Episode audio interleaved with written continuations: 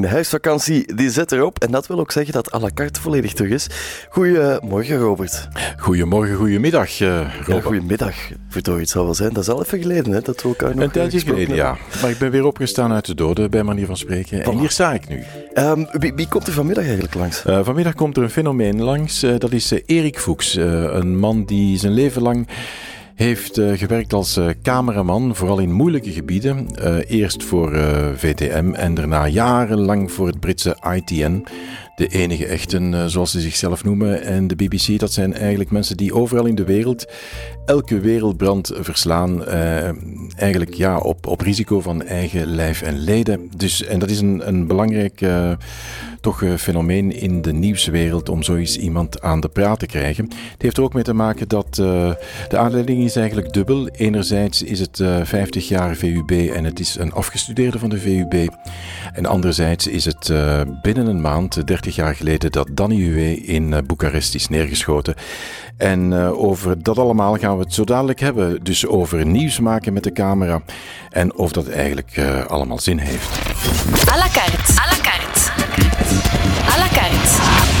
Met Robbe Petitjean en Robert Esselings. Ja, Erik Fuchs, uh, welkom in de studio. De Vrije Universiteit bestaat 50 jaar en je bent een van de opmerkelijkste afgestudeerden van die universiteit, vind ik. Want bijna 40 jaar geleden studeerde je daar uh, af als burgerlijk ingenieur. Ja. Je liet je studies uh, voor wat ze waren en ging bijna meteen aan de slag als, hoe zal ik het zeggen, professioneel nieuwscameraman. Hoe kwam je daar eigenlijk bij? Ja, dat is eigenlijk begonnen um, tijdens mijn tienerjaren. Dus voordat ik naar de VUB ben gegaan, dan was er een programma op de Franse televisie, de ORTF. En ik herinner mij nog dat ik, dat was het einde van de jaren zeventig, ja. dat ik daar, wij hadden thuis geen televisie. En dus ik moest daarvoor naar mijn grootouders. Elke zondag ging ik daarvoor naar mijn grootouders, waar ik gekluisterd aan het scherm keek naar dat programma. Dat heette La Course autour du monde. En dat was een programma, een soort van reisspelprogramma van de vier Franstalige omroepen in de wereld. Uh, behalve de, de RTBF deed daar niet aan mee.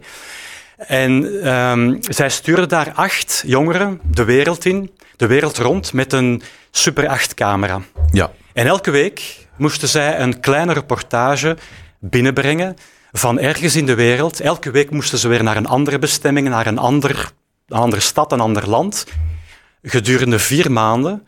Uh, die filmrolletjes werden dan altijd natuurlijk door Air France naar Parijs gevlogen, daar gemonteerd ja. en beoordeeld door een vakjury van journalisten. En de, de winnaars en ook anderen, denk ik, hebben altijd daarna werk gevonden, onmiddellijk werk gevonden bij de Franse televisie.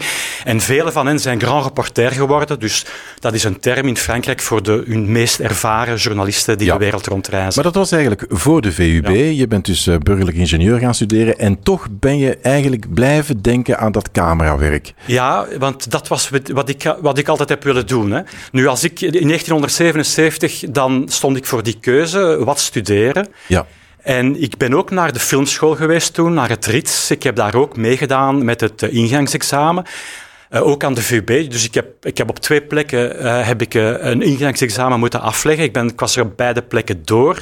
En wat de doorslag heeft gegeven op dat moment, er zijn twee zaken eigenlijk. Op dat moment, dat was voor VTM, voordat die, die wereld is, is eigenlijk opengegaan en dat er mogelijkheden zijn gekomen voor wat meer mensen dan de, ik zou zeggen, de, de, de, de, de toch beperkte groep die aan de slag kon Als cameraman. op de VRT. Ja. ja.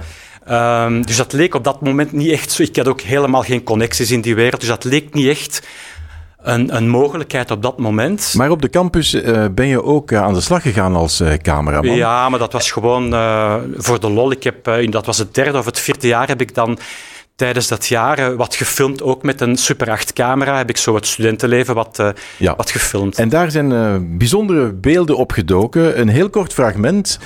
Uh, ik stel voor dat we dat even in beeld krijgen. Ja, dat is het. En wie is dat, mijn beste Erik Fuchs? Wel, ik denk dat het duidelijk is. Dat is iemand die ik toen niet kende. Dat is Jan Jan Bon.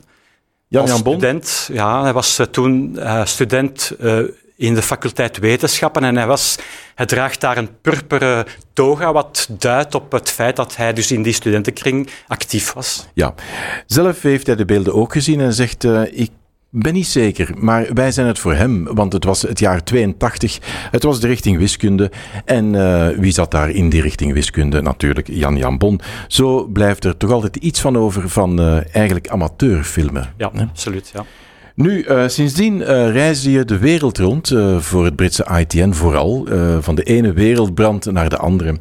Ik stel voor dat we daar zo dadelijk op verder gaan. Ja, ik heb de beelden ook bekeken. Het is wel echt overduidelijk Jan Jan Bond. Klinkt eigenlijk ook een beetje als vloggen avant la lettre, dat programma waar Erik Fuchs het daarnet over had op de Franse tv.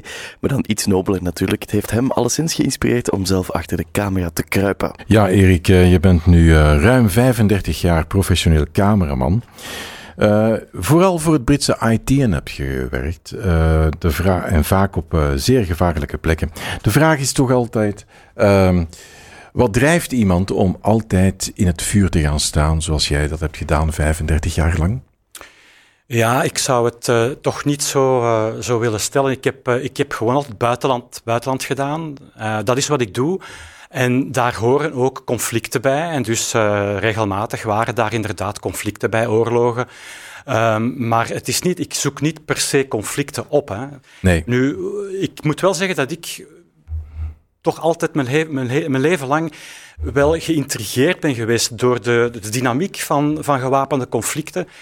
Um, ik, omdat ik dat altijd heb um, willen um, terugbrengen tot mijn eigen of mijn familiegeschiedenis, tot de, de Tweede Wereldoorlog hier. Ik, ik, was daar uiteraard niet bij, ja. maar ik heb toch op die manier willen proberen te begrijpen hoe het kon dat hier ook een oorlog is geweest.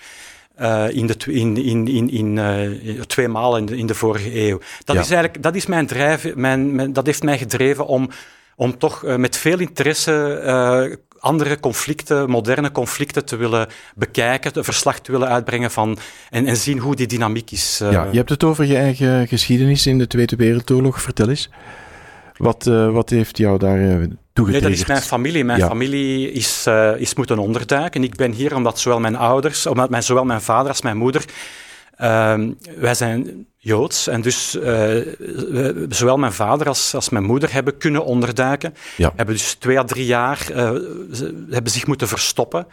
uh, in, in Wallonië. Wij, zijn, wij komen eigenlijk uit Antwerpen, maar zij hebben daar onderdak gevonden. En het is omdat zij zich hebben kunnen verstoppen dat ik hier ben, maar andere leden van de familie zijn weggevoerd en zijn nooit meer teruggekomen. Ja, is, en dat eh, trauma, dat trauma heeft jou gedreven om, om eigenlijk andere conflicten, als ik het goed begrijp, eh, beter te begrijpen en te laten zien ook aan de buitenwereld Ja, wat er gaande ja, is. ja. De strijd voor de waarheid, kan men dat zo zeggen? Nee, want wat is de waarheid? Ik kan alleen maar vastleggen wat er voor mijn lens gebeurt. Ja, En we vertellen daar een verhaal rond of mee. Ehm, maar is dat de waarheid? In, vooral in, in, in, in, in een oorlogsgebied, in een conflict situatie, is er geen waarheid. Er zijn misschien twee waarheden of zelfs meer. Die moet je naast elkaar leggen. En dan hopen dat de kijker of de consument van dat nieuwsbericht misschien zelf tot een conclusie komt. ja. Je hebt eh, beelden geselecteerd voor ons uit Kosovo, 1999 was dat. En eh, die beelden tonen inderdaad aan dat het er soms eh, kan stuiven. Ehm, we gaan eens even kijken. Ja, geef maar commentaar. Dit zijn uh, beelden van een uh, bombardement door NAVO-vliegtuigen van Servische stellingen. Uh, net over de grens, dat is het eerste. Dit is, ja, dat gaat allemaal, dit is in Libië.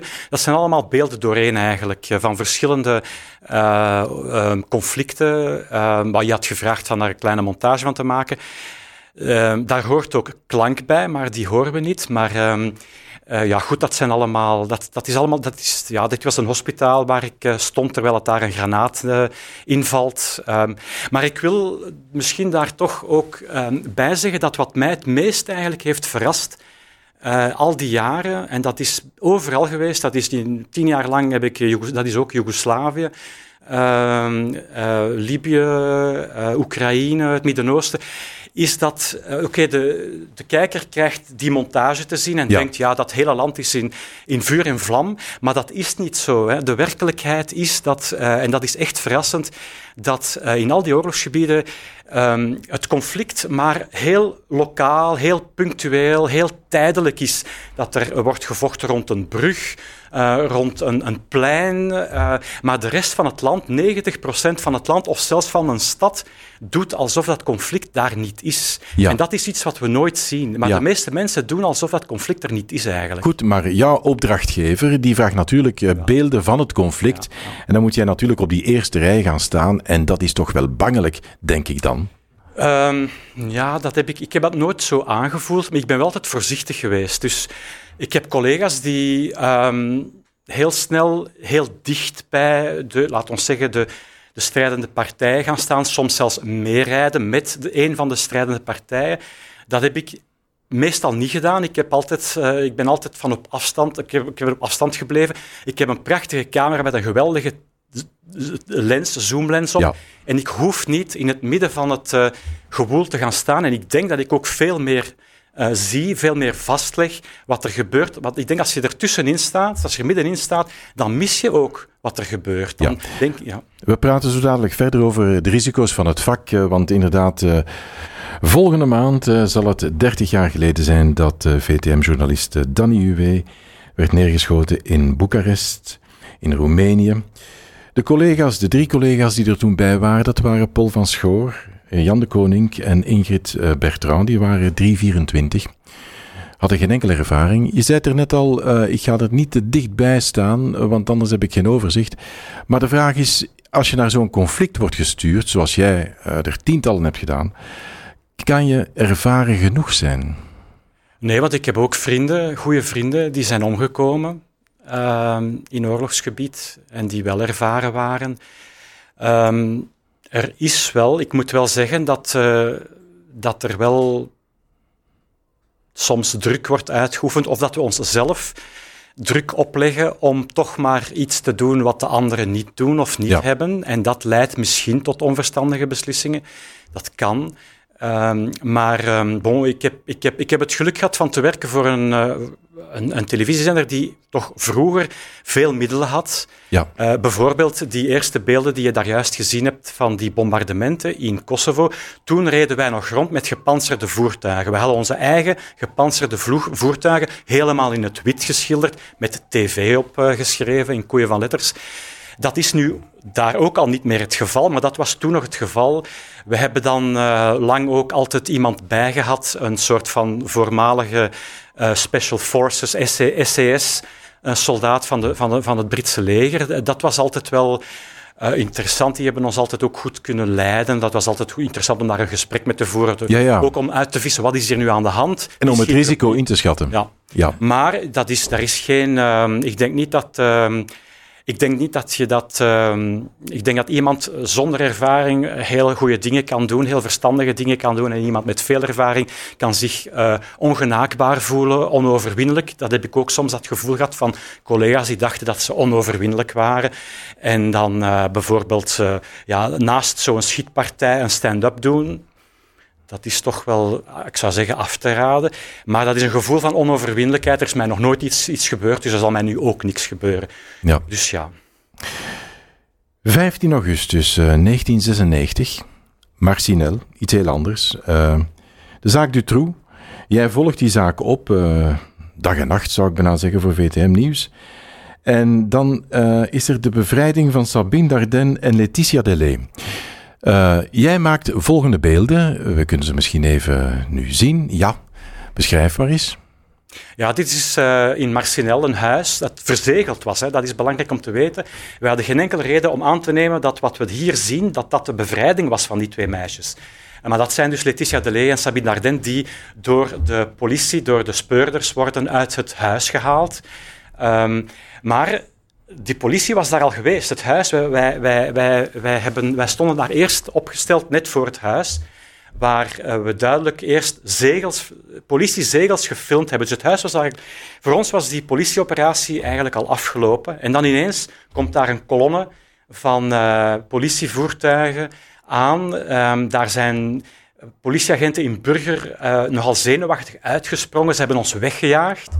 En dan zijn wij snel uh, een trap opgelopen die leidt naar een brug uh, die ja. daar langs loopt. Mm -hmm. Van waar we dan zicht hebben op wat daar dan is gebeurd. Het bijzondere van die beelden is dat jullie meteen niet door hadden nee. dat daar eigenlijk een bevrijding uh, nee. bezig was. Vertel eens. Nee, maar om te beginnen, het, bon, wij, wij, wij, zijn naar dat huis geleid door een tipgever. We, hebben, we, hadden een adres, maar voor de rest wisten we helemaal niet wat daar eventueel zou gebeuren of al gebeurd was. Uh, dus we waren toevallig op het juiste moment op de juiste plaats uiteindelijk. En, uh, je stond achter brug, een muur? Ja, maar van op de brug zie je ook niet wat daar gebeurt. Dus bijvoorbeeld Anne van Mullem en mijn klankman, die hebben niks gezien, omdat daar een muur stond, uh, ik denk zelfs van een meter tachtig hoog. Ik had snel de camera opgesteld op een statief. En het statief, dat, gaat, dat, dat, dat, dat is iets hoger. Die camera stond wat hoger dan, me, dan mezelf. En ik heb dus door die zoeker gekeken, maar uiteindelijk was de lens van de camera was de enige getuige van wat daar gebeurde. En ik heb dan al mijn concentratie nodig gehad om dan met op tele hè, uh, dat allemaal te volgen. Ik heb alles gefilmd, je ziet dat ook. Ik zoom uit, ik zoom in, ik volg. En, maar je bent op dat moment bezig met het mechanische, met zorgen dat die, camera niet schokt. Um, en dus je weet niet echt, je interpreteert niet echt wat er gebeurt. Laat staan dat je op die kleine zwart-wit zoeker kan identificeren, een gezicht kan identificeren. Dus dat is pas veel later. We wisten echt niet op dat moment wat we hadden gefilmd. En wanneer heb je eigenlijk beseft dat het eigenlijk Letitia Delay was en uh, uh, Sabine Arden? Ik denk dat Anne, we zijn, het was ook, we zijn ook pas op de redactie toegekomen na het nieuws van 7 uur, denk ik. Ja. En het is pas dan dat, uh, dat Anne de beelden heeft bekeken. Um, we wisten, maar voor de rest wisten we nog altijd niks van wat daar gebeurd was. We hadden geen enkele bevestiging van. Want het parket had ons, uh, dat wisten we wel. Het parket had uh, aangekondigd dat er de volgende dag om 12 uur een persconferentie ging zijn. En tot dan uh, ja, hebben wij geen bevestiging gekregen. Wat het, ik denk ook dat we zelfs aan de tipgever hadden, hadden, hadden gezegd, of hadden afgesproken met de tipgever, dat die beelden, dat we die gingen bijhouden tot die persconferentie. Ja, en wat maar, is er dan gebeurd? Standaardaags gegeven dan toch wel? Ik denk, ik denk dat het uh, uiteindelijk pas uh, standaardaags is, misschien zelfs iets voor die persconferentie, dat we toch ergens die bevestiging hebben gekregen. Ja. Maar ja, dat is wat je als journalist ook moet doen. Je moet uiteindelijk bevestigingen krijgen van, van wat je hebt. Dat is niet alleen voor beeld zo, dat is ook voor andere informatie. Ja. Dus we hebben pas gewacht tot we ergens ja, van iemand een bevestiging hebben gehad van wat we daar gefilmd hadden. Ja, en voor alle duidelijkheid, je was ook de enige die die beelden had. Ja, maar dat is gewoon toeval. Uh, enfin, niet helemaal. We hebben natuurlijk, uh, het is op basis van een tip dat we daar zijn terechtgekomen. Dus dat is niet helemaal toeval. Maar we hadden even goed daar, want we hebben er lang zitten zoeken naar dat adres. Er waren trouwens verschillende huizen met hetzelfde adres langs diezelfde lange steenweg, denk Chaussée de Philippeville. In elke gemeente was er een huis met dat huisnummer. Dus we hebben eerst uh, drie andere van die huizen bekeken. En dus we zijn daar gewoon wel uiteindelijk toevallig op het exact juiste moment uh, toegekomen. À la carte. Ja? Nee. Ja, de ja-nee-vragen, dat is altijd het uh, lichtere deel van het verhaal hier, uh, beste Erik. Maar toch, uh, we zullen wel zien. antwoorden ja, nee, zeer snel. Niet te lang nadenken, het antwoord is belangrijk. Hier komen de vragen. Journalistiek wordt al maar beter. Nee. Het klassieke tv-journaal zal ooit verdwijnen. Ja. Video is het nieuwe tv. Ja. Dat waren ze al. De drie vragen. Okay, dat is Want nu komt nog een interessant verhaal. Um, wie jou kent, en we kennen elkaar ook al een tijdje, uh, die weet dat uh, inhoud en beeld zijn eigenlijk met elkaar verbonden. Hm? Um, je bent natuurlijk degene die registreert, maar natuurlijk uh, ben je bezig met het onderwerp zoals je het er net al verschillende keren hebt aangegeven. En als je de sociale media volgt, ik volg jou dan ook een beetje zo, dan, dan merk ik dat je je danig kan opwinden over de verslaggeving over IS-gevangenen, uh, vrouwen en kinderen in kampen in Syrië en hun repatriëring. Je zegt, alleen wat is dat? We besteden daar heb niet over getweet, maar je hebt gelijk, maar ik heb Ja. daar niet over getweet. Nee, maar je hebt een, een tweet geliked en uh, zo ben ik beginnen nadenken, mijn beste Maar Erik. Koopmans. Uh, ja, voilà. Dus uh, eigenlijk, uh, ja, dat is een, een, een, thema dat jou eigenlijk bijzonder dwars zit. Hè? Niet bijzonder, maar um, ik, ik, ik begrijp niet waarom wij zelfs maar enige interesse vertonen. En dit is vooral door de media, gedreven door de media. of ik begrijp het wel, dat is omdat, dat, omdat wij denken dat dat Belgen zijn of Vlamingen. En dan dat etiket wordt erop gekleefd en dan moet dat ons maar interesseren. Maar het zijn eigenlijk misdadigers en het zijn mensen die. Uh, Oké, okay, na de Tweede Wereldoorlog liepen hier ook van die mensen rond, of waren er ook van gevlucht, uh, Oostfrontstrijders. Maar ik, er is toen natuurlijk ook om andere redenen daar ook een heel debat rond geweest toen. Maar um, ik denk dat het. Ik vind dit een, een, een slag in het gezicht van vooral bijvoorbeeld in dit geval een prachtig klein volkje, de Yazidis, die brutaal zijn uitgemoord door die mensen en waar wij ons eigenlijk niet om bekommerd hebben. Daar heb ik hier nooit iets van gelezen. Uh, of iets over gelezen. Of, of de Koerden. Iets... En de Koerden nu. En, en het enige wat ons nu lijkt te interesseren is ja, wat dat gespuis daar, dat gespuis dat daar, oké, dat dan daar op dit moment gevangen zit. Uh, bon, uh, ik heb nu wel sterke woorden gebruikt, maar ja. je vraagt naar mijn mening. Dit is mijn mening gewoon. Uh. Ja, je kan je er niet van losmaken eigenlijk. Jawel, dit is niet het einde van de wereld. Hè? Dat is niet zo. Hè? Nee, maar het is, dezelfde discussie is in Engeland ontstaan. De Times, ik heb daar ook een filmpje van gezien dat men zich daar in feite om, te veel om bekommert. Om, uh, om die mensen, terwijl dat er eigenlijk uh, andere zaken zijn die zouden moeten voorgaan. Uh, waarbij natuurlijk de woorden misdadigers en gespuis op jouw rekening staan. Maar goed, het is jouw mening en jouw mening is van tel hier op deze middaguitzending. Ja, je had gezegd dat het een lichter deeltje ging worden, uh, Robert. ja, maar uh, een, het leven zit vol verrassingen, Robert. Dat is, en, dat is waar, dat is waar. En je moet de kijker en de luisteraar toch ook iets gunnen. Bij het, bij het, het nekvel blijven grijpen, ja, zoiets. inderdaad. Plank. Ja, en plannen heb je, Erik Fuchs, want op de plank is eigenlijk het, het slotstukje van dit gesprek. En blijkt dat je twee jaar geleden opnieuw bent gaan studeren in Antwerpen en aan de VUB, Klimaat en Energie, heb ik gelezen. Ja, niet aan de VUB, uh, in, uh, aan de, aan de um, PXL Hogeschool in Hasselt ook. Ah ja. Die twee plekken. En aan de Universiteit Antwerpen. Ja. Wel aan. En uh, vertel eens om wat te doen. Ja, omdat uh, dat onderwerp... Enfin, ik, je hebt het al daarnet aangegeven dat ik misschien de waan van de dag, dat ik daar misschien over ben, dat ik me daar echt niet meer zo kan voor inzetten. En, maar er is een ander thema wat mij bijzonder boeit, en dat is al wat te maken heeft met de klimaatproblematiek, met de energietransitie. Um, en ik ben mij gewoon in die materie gaan verdiepen. Daarom heb ik, uh, heb ik wat, ben ik wat, uh, opnieuw wat gaan studeren, om inhoudelijk daarmee mee te zijn. Ja, mee te zijn om wat te doen? Ja, ik hoop, ik, ik doe het al. Ik maak, al, ik maak daar al wat videoreportages over. Inderdaad, het zijn geen televisiereportages meer. Het is meer uh, voor verspreiding via sociale media. En dat is wat ik uiteindelijk, denk ik nog, ik heb nog een paar jaar voor mij. Ik ben ook al niet meer van de jongste zoals jij. Belang. Uh, en dus uh, ik hoop van dan in die richting wat uh, verder te gaan en daarover te berichten. Hetgeen ik kan, hetgeen ik heb geleerd mijn hele carrière, dat te gebruiken om te berichten over klimaatproblematiek en energietransitie, cleantech. Dus het is vooral het technologische aspect dat mij daarin echt boeit. Dat we daar nu um, heel snel nieuwe technieken, nieuwe technologieën voor ontwikkelen die ons kunnen helpen. Maar die op zich niet genoeg gaan zijn natuurlijk. Ja, en we hopen allemaal mee uh, dat het uh, iets wordt met dat klimaat, want uh, zoals het nu loopt, loopt het eigenlijk de verkeerde kant uit. Erik Fuchs, bekend, bedankt, bedankt om te komen naar de studio.